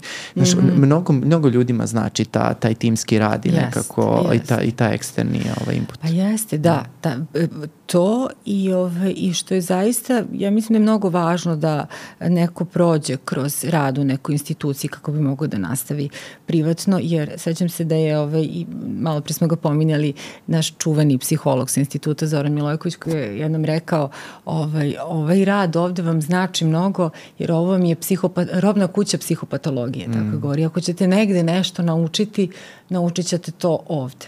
Znači da nekako e, naravno knjige su tu, sve to stoji, ali vi, to jest kad vidiš pacijenta, to je potpuno drugačija priča. Mislim što pretpostavljam da i sam si nekako to osetio na svojeg, da je to, mislim, naravno da učbenici sve, da ne bismo ništa znali bez toga, ali nekako kad, kad osetiš i kad vidiš pacijenta i šta to znači, kad zaista preko puta tebe, na primjer, sedi depresivni pacijent, to je nekako mnogo drugačije. Ne možeš se opiš u knjigama. Pa jeste. Mislim, mor, ali nekako zaista kad dobiješ tu sliku, kad vid, mislim, svi smo išli, ja i mi dok smo na fakultetu bili, dolazili smo na, na ovaj, vežbe smo imali na, baš na institutu.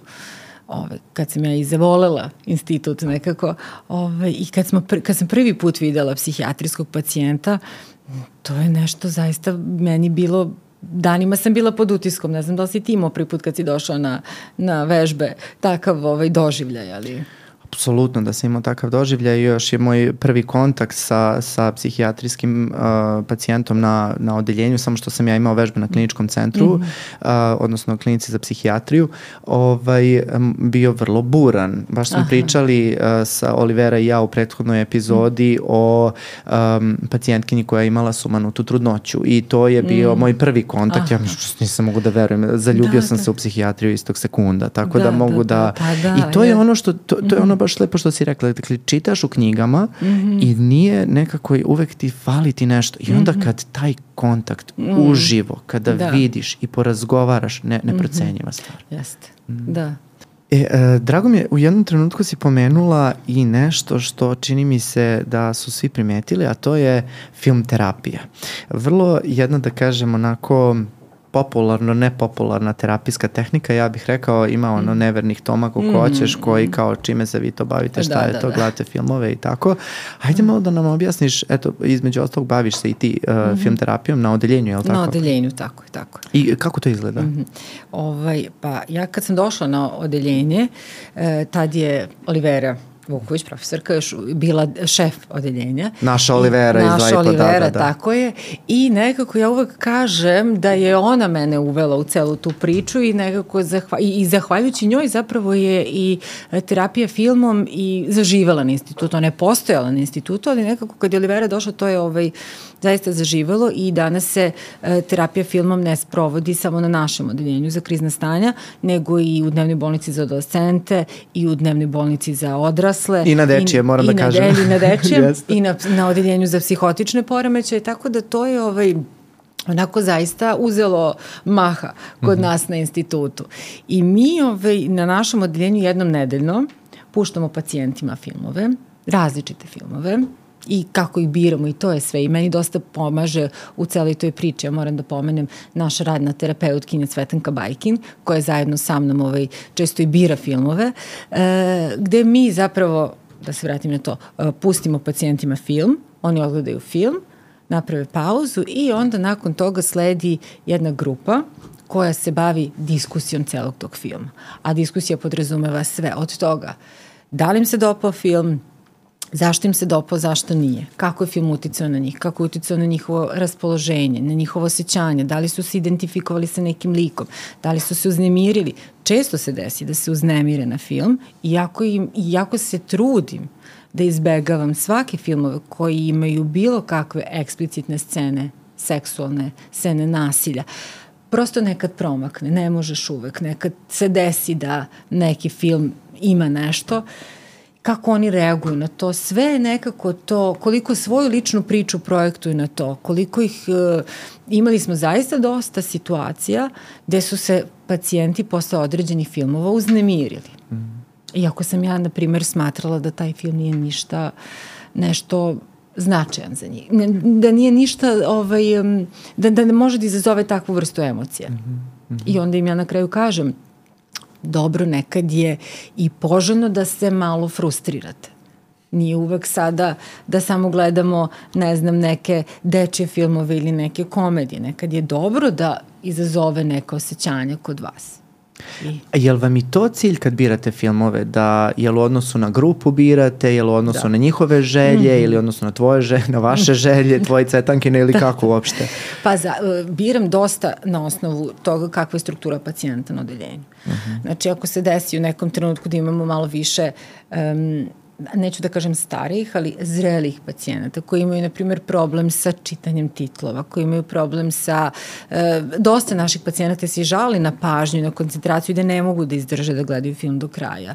Usled svoje psihopatologije, a plus usled lekova gde im se dosta spava, ovaj, e, da li imamo više ženskih pacijenata, da li imamo mlađe pacijente, nekako sve to uzimam u obzir kada se kada biram film mm. odnosno kada Cvetanka ja biramo film. Ali ovaj, e, nekad im puštam e, novije filmove, o, baš što su sada, ovaj, naprimjer što se sada daju. E, skoro smo imali jednu situaciju, baš skoro, pustila sam pacijentima film Tar, ovaj, mm. sa Kate, sa Kate Blanchett. Blanchett. Mm -hmm. Da I uh, jedna pacijentkinja se, sad ne znam koliko ovaj, si ti upućen, si gledao film taj? Yes. De, znaš, znači njen lik prosto u filmu, koga ona igra i sve i kako ovaj. I jedna pacijentkinja je se jako uznemirila i sve vreme plakala.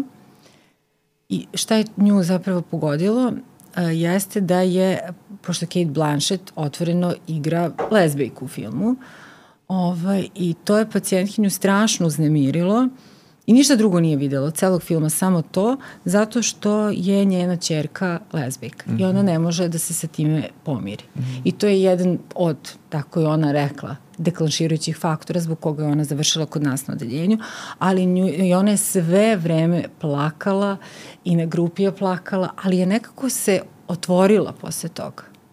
I kao da je osetila neko olakšanje.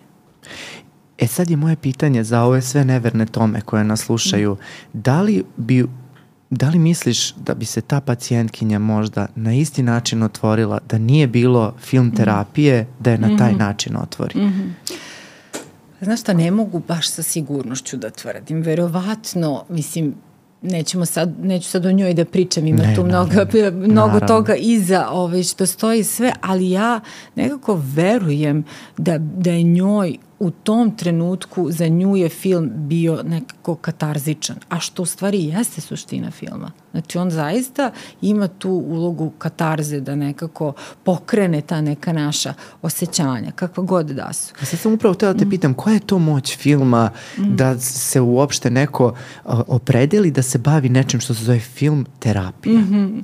Pa ima, da, naravno, postoje, ja sam napisala jedan rad, ovaj, jedin nedostatak je što su radom, ma, radovi mahom kvalitativni, znači još uvek nedostaje tog empirijskog, te potvrde naučne slične, kao što ne znam, za ostale e, terapijske modalitete postoji naučni nekako pečat, ovde još uvek je sve m, više na tom kvalitativnom nivou, ali svakako da postoji prosto taj moment, mislim, dvojica autora čuvena koji su napisali ovaj knjigu e, Psihijatrija i film, e, ovaj počinju svoju knjigu rečenicom da psihijatrija nije postojala, filmovi bi morali da izmisle.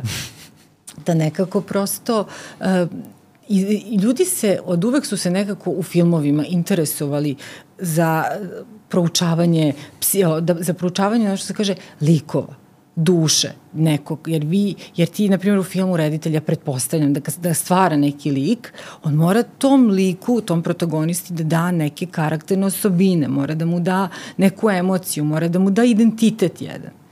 I onda kako će to da uradi bez poznavanja bare malo psihologije, bare malo, je li tako, psihijatrije, mm. a mhm. još plus kad uzmemo filmove koji obrađuju psihopatološke neke fenomene, kojih ima mnogo. Mm.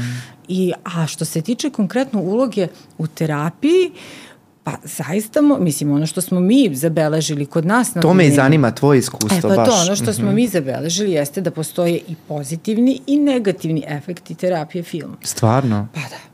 Pa, pozitivni efekti su, na primjer, o, to da im ta terapija filmom omogućava da se nekako oni osjećaju, jer je to jedna društvena aktivnost, znači oni se svi, pacijenti koji leže kod nas na odeljenju, oni se svi skupe, dođu u dnevni boravak, pusti se film i oni se osjećaju onako kao da su došli u bioskop, kao da je to jedan izlazak za njih, je tako? I onda im to nekako daje taj doživljaj neke ponovne reintegracije kad izađu napolje, prosto oni nekako drugo, vežbaju svoju koncentraciju, vežbaju svoju pažnju, vežbaju da izdrže, da sede dva sata i da nešto odgledaju. Jer će im, naravno, ako planiraju kad izađu sa lečenja, da se vrate na posao, da se vrate nekom svakodnevnom životu, bit će im značajno da, mogu, da malo nekako izdrže neku frustraciju. Mm. E, zatim pomogne im da upravo to prepoznaju neke svoje emocije i da govore otvoreno nekad, na primjer, ne mogu da pričaju nekim svojim osjećanjima, ali im uh, osjećanja lika koji gledaju u filmu to pomogne, kao što je, na primjer, bio slučaj sa ovom pacijentkinjom, mm. naša. A šta su ti negativni efekti kojima pričaš? Pa negativni postoji to da dosta pacijenta je u otporu da gleda film. Mm. Uh, budu otporu u smislu da oni to ne vide kao nikakvu svrhu toga. Zašto bismo mi to radili? Mi smo došli ovde da se lečimo, nismo došli da gledamo filmove. Ne vidimo nikakvu svrhu toga. Onda, kao što sam već i pomenula, neki pacijenti teško čitaju titl, ne mogu da vide dobro, a ja ne mogu stalno da im puštam domaće filmove, da im titl, a mi nemamo sinhronizovano, onda e, često se žale na pospanost. Ja nekad i kad uđem da proverim da vidim ili gledaju film, ja stvarno vidim, na primjer, pacijenta spava da prosto ne mogu da izdrže. Ovaj. I naravno neki filmovi mogu da izazovu neka da kažem, neke negativne e emocije. Mm, neke ekstremne neka stanja pa, da okinu. Jeste, jeste, mm -hmm. mogu da okinu. Što mislim, ne mora da bude toliko loše, ali u tom trenutku jeste. U tom trenutku je za njih to prilično stresno stres, i dramatično. Jeste, mm. jeste. A jel ti vodiš grupu posle ili kako je to? Ja, ja, mm -hmm. uglavnom ja. Ja mm -hmm. i Cvetanka bude mm -hmm. sa mnom, ali mm -hmm. ja da mi. Ja je samo nekako krenem i onda oni nastave. Nekako ja ih uvedem u tu celu priču i onda oni međusobno komentarišu, tako, nekad se ljute na likove, neka zaista onako bude jedna, vrlo bude zanimljiva diskusija, ali opet kažem, zavisi od filma kakav izabere. Nekad film koji ja mislim da će se njima dopasti, njima bude katastrofa mm. i obrnuto. Mm.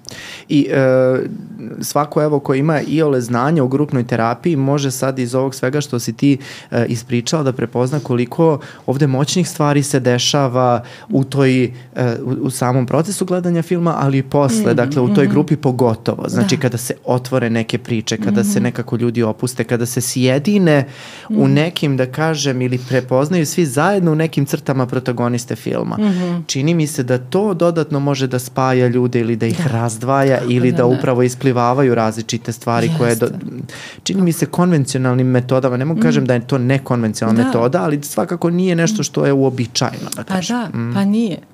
Ne, ne, nemam dosta, da kažem, i mm. klinika koje se time bave yes. i ljudi koji se time bave, mm -hmm. kao što je recimo muzikoterapija, da, kao što da, su da, tako da, neke da. različite vrste yes. art terapije. Pričali da. smo u jednoj mm -hmm. epizodi ovaj, um, ka, uh, kada, je, kada su predstavnici udruženja mm -hmm. psihotičnih pacijenata u stvari, um, kako bih rekao, ba, uh, govorili u stvari uh, da je umetnost, pored svih, pazi ovako, mnogo interesantno je bilo, znači pored svih stvari kojima se oni bave, pružaju različite usluge, uh, pomažu im u različitim spektrima uh, njihovog funkcionisanja i oni navode da im je umetnost nešto što im najviše pomaže. Mm -hmm. I upravo da. mislim da je i za film da. da slična situacija. A ja, da, kako da, da ne sigurno I, I moramo da pomenemo, evo, uh, uh, ti si deo organizacionog tima za mm -hmm. jedan vrlo interesantan projekat da tiče se filma. Možda nešto mm -hmm. da nam kažeš mm -hmm. o mhm. tome? To se odnosi na kinoteku, da, je li da, tako? Da, da. da, da, da. Pa to je bila ideja prvenstveno Milutinova, Milutina Kostića. Svi znaju da Milutinova. Da, da. Ovaj, da pošto smo mi ove godine obeležili 60 godina postojanja Instituta za mentalno zdravlje, nekako smo mi organizovali niz različitih aktivnosti još od novembra prošle godine, e, kako bismo obeležili taj, da kažem, vrlo značajan datum, taj jubilej. I onda je Milutin došao na ideju da bi bilo zanimljivo da ovu terapiju filma koju mi sprovodimo na našim odeljenjima prenesemo malo i nekako uh, da to bude dostupno i za populaciju, za druge ljude. I onda smo mi tako smišljali ovaj, kako šta i došla nam ideju, na ideju da bi kinoteka bila odličan, jugoslovenska kinoteka bila odličan partner u toj celoj priči i oni su nam zaista izašli u susret. Te smo mi u januaru mesecu imali prvu projekciju uh, u kinoteci i ovaj, nastavili to da radimo do sada, evo do, ju, do juna zapravo i sad premo malu pauzu preko leta i nastavljamo opet u septembru. A šta je zapravo ovaj, pojenta, šta je zapravo cilj? Znači da mi jednom mesečno smo u kinoteci puštali filmove koji ne moraju nužno da obrađuju neki psihopatološki fenomen. Znači, to može da bude bilo koji film koji mi procenimo, a tu smo, znači, u tom celom timu smo eh, Mihajlo, Ilić, Milutin, E, Nikola Ljubičić, psiholog sa instituta, Jovana Baćigalupo, takođe psihološkinja sa instituta i ja.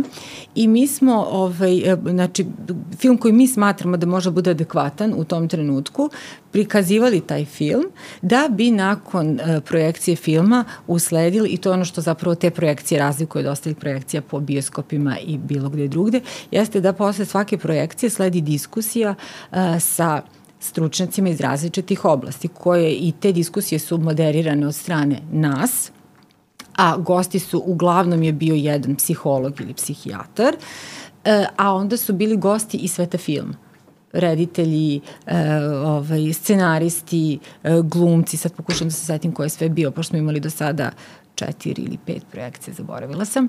I, ovaj, i onda nekako smo uh, gledalcima hteli da približimo uh, suštinu uh, radnje i svega toga što se dešava u filmu iz ugla psihijatra ili psihologa i iz ugla uh, umetničkog stvara, uh, odnosno reditelja ili scenariste nekog filma. Znači mm. sve te dve različite perspektive.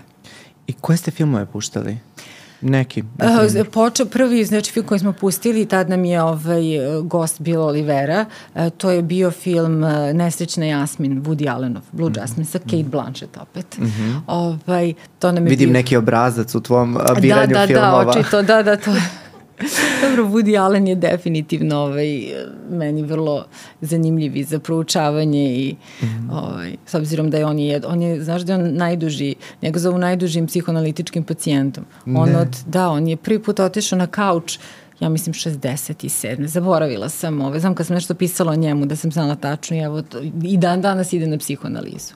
Čoveče. Tako da je... Ovaj, zato, zato je on dobar u tome pa I zato se da, prikazuje u svakom njegovom filmu ide ta, ovaj, i taj odnos pacijent-terapeut i uvek se to nešto provlači. Ali ovaj, da, da se vratim na to, otišla sam s teme. E, posle smo prikazivali film Ordinary People, Obični ljudi, e, potom smo prikazali um, čet, e, kako se beše zove ovaj, e, francuski film 49 udaraca, mm. mislim se tako da zove, e, i poslednji je bio Blade Runner. Mm.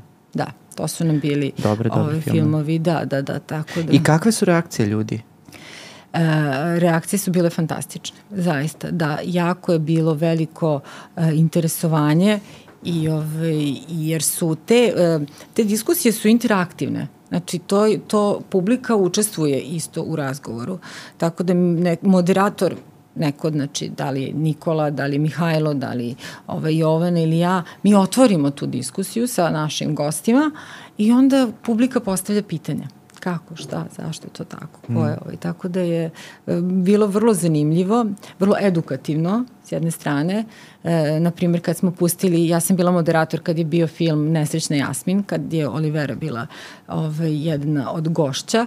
Imali smo, ovaj, go, druga gošća je bila Zorica Tomić, Uh, komunikolog. Komunikolog, tako mm -hmm. je. I je treći gost je bio Darjan Mihajlović, on je uh, pozorišni reditelj i profesor na FDU i onda nekako smo baš iz tri onako različite perspektive mogli da analiziramo kako lik junakinje koja je to po mnogim, ne znam, ovaj, tim uh, anali, člancima zapravo predstavlja onako da se kaže prototip jednog uh, graničnog uh, poremećaja ličnosti sa tim narcističnim i parazitskim crtama. Tako da je to bilo vrlo zanimljivo onako čuti ovaj, Mm. I um, ako neko se sada interesuje za kinoteku i posle ovog podcasta bi hteo da dođe, kako može mm. to da uradi?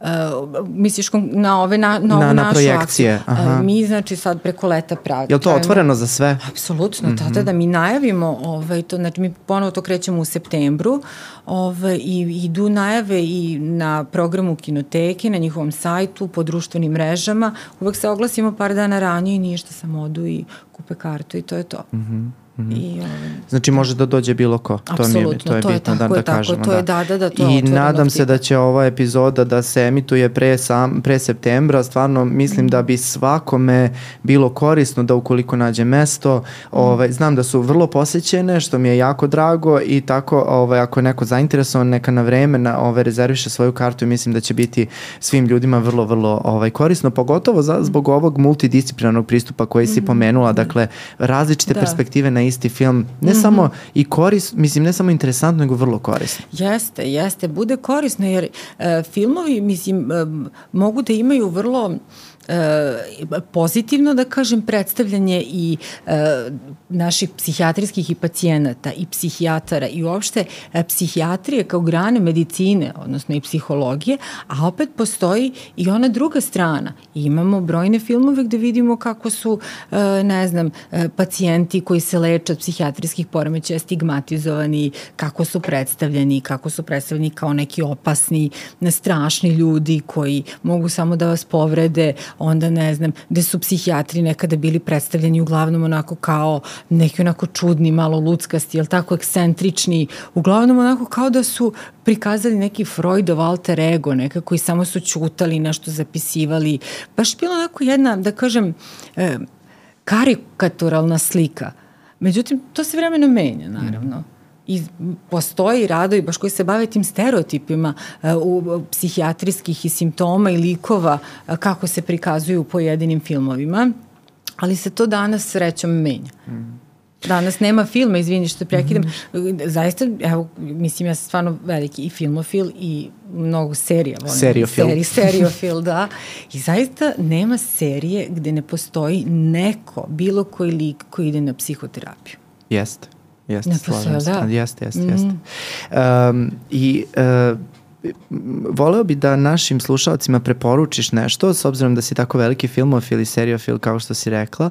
Ovaj, ja ću isto da preporučim par filmova. Imao sam -hmm. ovaj, par ovih, kako se zove, asocijacija mm -hmm. dok si pričala, uh, pogotovo kada si pomenula Blue Jasmine. Blue Jasmine je moj možda uh, mm -hmm. omiljeni film i, um, i pucale su me asocijacije sve vreme dok si, ovaj, dok si pričala, zato što me taj film razno. Ja imam, ja imam neku, sa svojim prijateljima ima neku, da kažem, tradiciju da svaki put kada izađu uh, nominacije za Oscara mi odgledamo sve filmove mm -hmm. i dan danas se sećam svoje reakcije na da. Blue Jasmine, sad mm -hmm. uh, mislim da će meni terapija da pomogne zašto je taj film u stvari mene toliko razne, a stvarno je ovaj, I genijalan i Da, ovaj, slažem se sa tobom, pogotovo što i meni je to jedan od omiljenih filmova svih vremena, ja mislim. Mm -hmm. ovaj, I pomenuta Kate mi je isto jedna od omiljenih glumica, ali ovaj, pogotovo što je Woody Allen taj film napravio kao pandan ovaj, po komadu Tramvaj zvani željo Tennessee Williamsa, gde zaista isto ima ta ovaj, eh, moment gde se ona odlazi kod sestri. Nekako su zaista eh, pravili paralele, upoređivali ta dva lika, lik Jasmine ovaj, eh, i unakinju u, u tramvaju zvanom želja. Tako da je ovaj, vrlo kompleksna i onako i duboka priča, ceo taj film. Zbog mm. toga je meni ovaj, on onako baš bio poseban drag, baš sam i htela da bude e, to film kojim, ćemo, kojim smo i otvorili taj naš ciklus e, terapije filmom, odnosno filmovi koji se bave mentalnim zdravljem u kinoteci. Mm. I e, evo, negde smo pred kraj epizode i meni je cilj nekako da prikažem tebe jer se stvarno si, kako da kažem, toliko baviš nekim višestrukim stvarima svaka ti čas kako nalaziš vreme, ali ja imam jednu malu insajdersku informaciju da se ti baviš i pisanjem članaka za velike priče.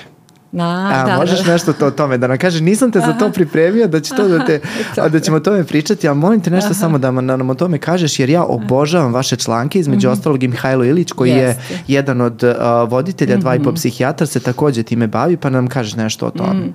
Pa ideja je bila prvo da, ovaj, kad me urednica pozvala da pišemo, jer uh, sam videla kasnije da zaista dosta ovaj, eminentnih ljudi iz sveta i uh, književnosti i raznih raznih oblasti pišu tu na tom portalu.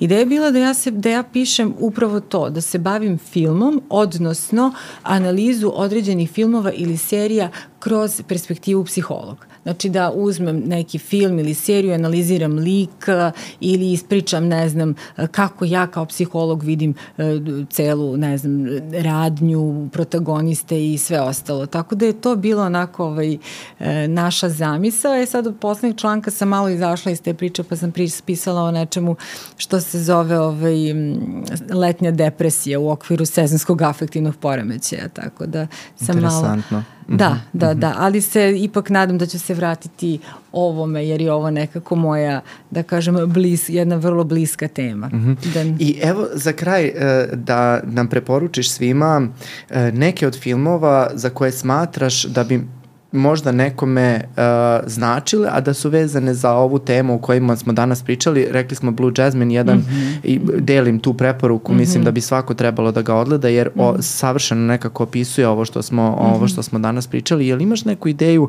šta bi još možda ovaj um, slušaocima bilo zanimljivo da da pogledaju mm -hmm. ili bilo serija, bilo film?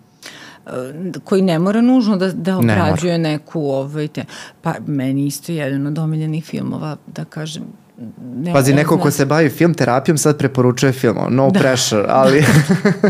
da, zaista je veliki. O, ali samo da kažem, setila sam se kad, kad sam otišla, ovaj, kad smo u kinoteci imali prvu tu projekciju filma i onda sam ja otišla gore ovaj, kod ljudi koji puštaju same filmove. Znaš, ono mesto u bioskopu odakle kreće projekcija i onda je meni, to mi je bila život, to mi je bila želja celog života kad sam bila mala, još do, kad su i bioskopi nekako bili mnogo aktuelni nego sada, da, ovaj, da vidim gde je to ono, where magic happens, mm. da odem tamo i onda sam se setila... Odakle kreće ono svetlo, da, je to? Da, da, ono Aha, svetlo i da, sve. Da. I onda sam se setila ovaj, filma uh, italijanskog Cinema Paradiso i taj bih film ovaj, zaista preporučila. To je stari film, ne, ne znam sad iz koje godine, ali ovaj, baš ima ta priča bioskopi, filmovi i moment, znači i to, je, to mi je jedan onako od, od ovaj, draži filmova koje baš onako preporučujem sa svim srcem. Super. I, da. i moram samo da podelim, evo dve, uh, imao sam dve mhm. asocijacije dok smo pričali. Uh, prvi uh, film koji baš nekako predstavlja i psihijatriju i da kaže psihijatrijske pacijente i ovaj na nek, nekako na lep način uh, odlubljena i predstavljena cela problematika jeste Girl Interrupted. To je da. jedan od mm -hmm. filmova koji ja to jako da volim. Da, kažem. da, da, da, jest. Um, to Kod je... nas su ga preveli neprilagođena. Aha, neprilagođena. Nisam da su ga, znao. Jeste, jeste, da, da, da, da, to sam... Mm -hmm. Jako, jako dobar mm -hmm. film. Angelina Jolie, jest. ovaj, čini mi se da je čak dobila Oscara za jest, tu ulogu. Jest. E, a drugi film koji sam uh, skoro gledao od jednog um, uh, jednog reditelja, sad nadam se da neću ovaj, režisera, u stvari ne znam da li ću, uh, zabrljam uvek to ime, mm. uh, Paolo Genoveze, italijanski ovaj, režiser koji je napravio dva filma, čini mi se da smo to jedina dva filma, sad ispravit će me ovaj, slušalci, ali to su znači Perfect Strangers mm -hmm. i odnosno, ne znam kako se na italijanskom zove i ovaj, drugi je The Place. znam Aha. na engleskom. Da, znači, da, da, da. savršeni, savršena dva filma koja nekako, to je onaj moj tip filma. Ja volim kad nema nešto tu mnogo radnje, Da. nego se uglavnom bavi ljudskom dušom i ovo o čemu da. smo pričali danas, kako portretiše nekako, posveti se svakom liku, obradi ga na najbolji mogući način i čini mi se da iz svakog lika možeš da izvučeš neki deo sebe Jest. i uh, da, da ti znači u životu Jest. i da ti promeni perspektivu gledanja, gledanja na svet. Pogotovo ovaj Perfect Strangers. Ja mislim da Aha. nema osobe koja je Da. ravnodušna na Jeste, taj film. Slažem se. Pa generalno, e, mislim, ja sad ne želim da ulazim u ovaj segment koji nije moj sada da se bavim analizom e, filmova ovaj, koji nemaju ovaj naš, da kažem, moment, ali generalno evropski filmovi jesu e, više nekako se posvećuje pažnje baš razvoju lika. Znači, više se, i to je, to, to nema sad kao neki film, ne znam, kao ovaj, ako se sećaš onog filma od uh, ovaj, Sorrentini, italijan, onaj Grande Bellezza, Ah. bio je, da. I to isto kad pogledaš sada, o čemu se tu, ja sam na kraju, ja sam imala takve ono usponi padove gledajući taj film, do, do toga da ću da odustanem i da je najgori film, do već sledeće scene da je najbolji film na sve, ono koji sam ikada gledala. I baš ide ta ja, jačina tih likova. Sve kao, kao neki mali splitting. Sad sam to da kažem, zato se i smejem, da, upravo da, si da, mali splitting.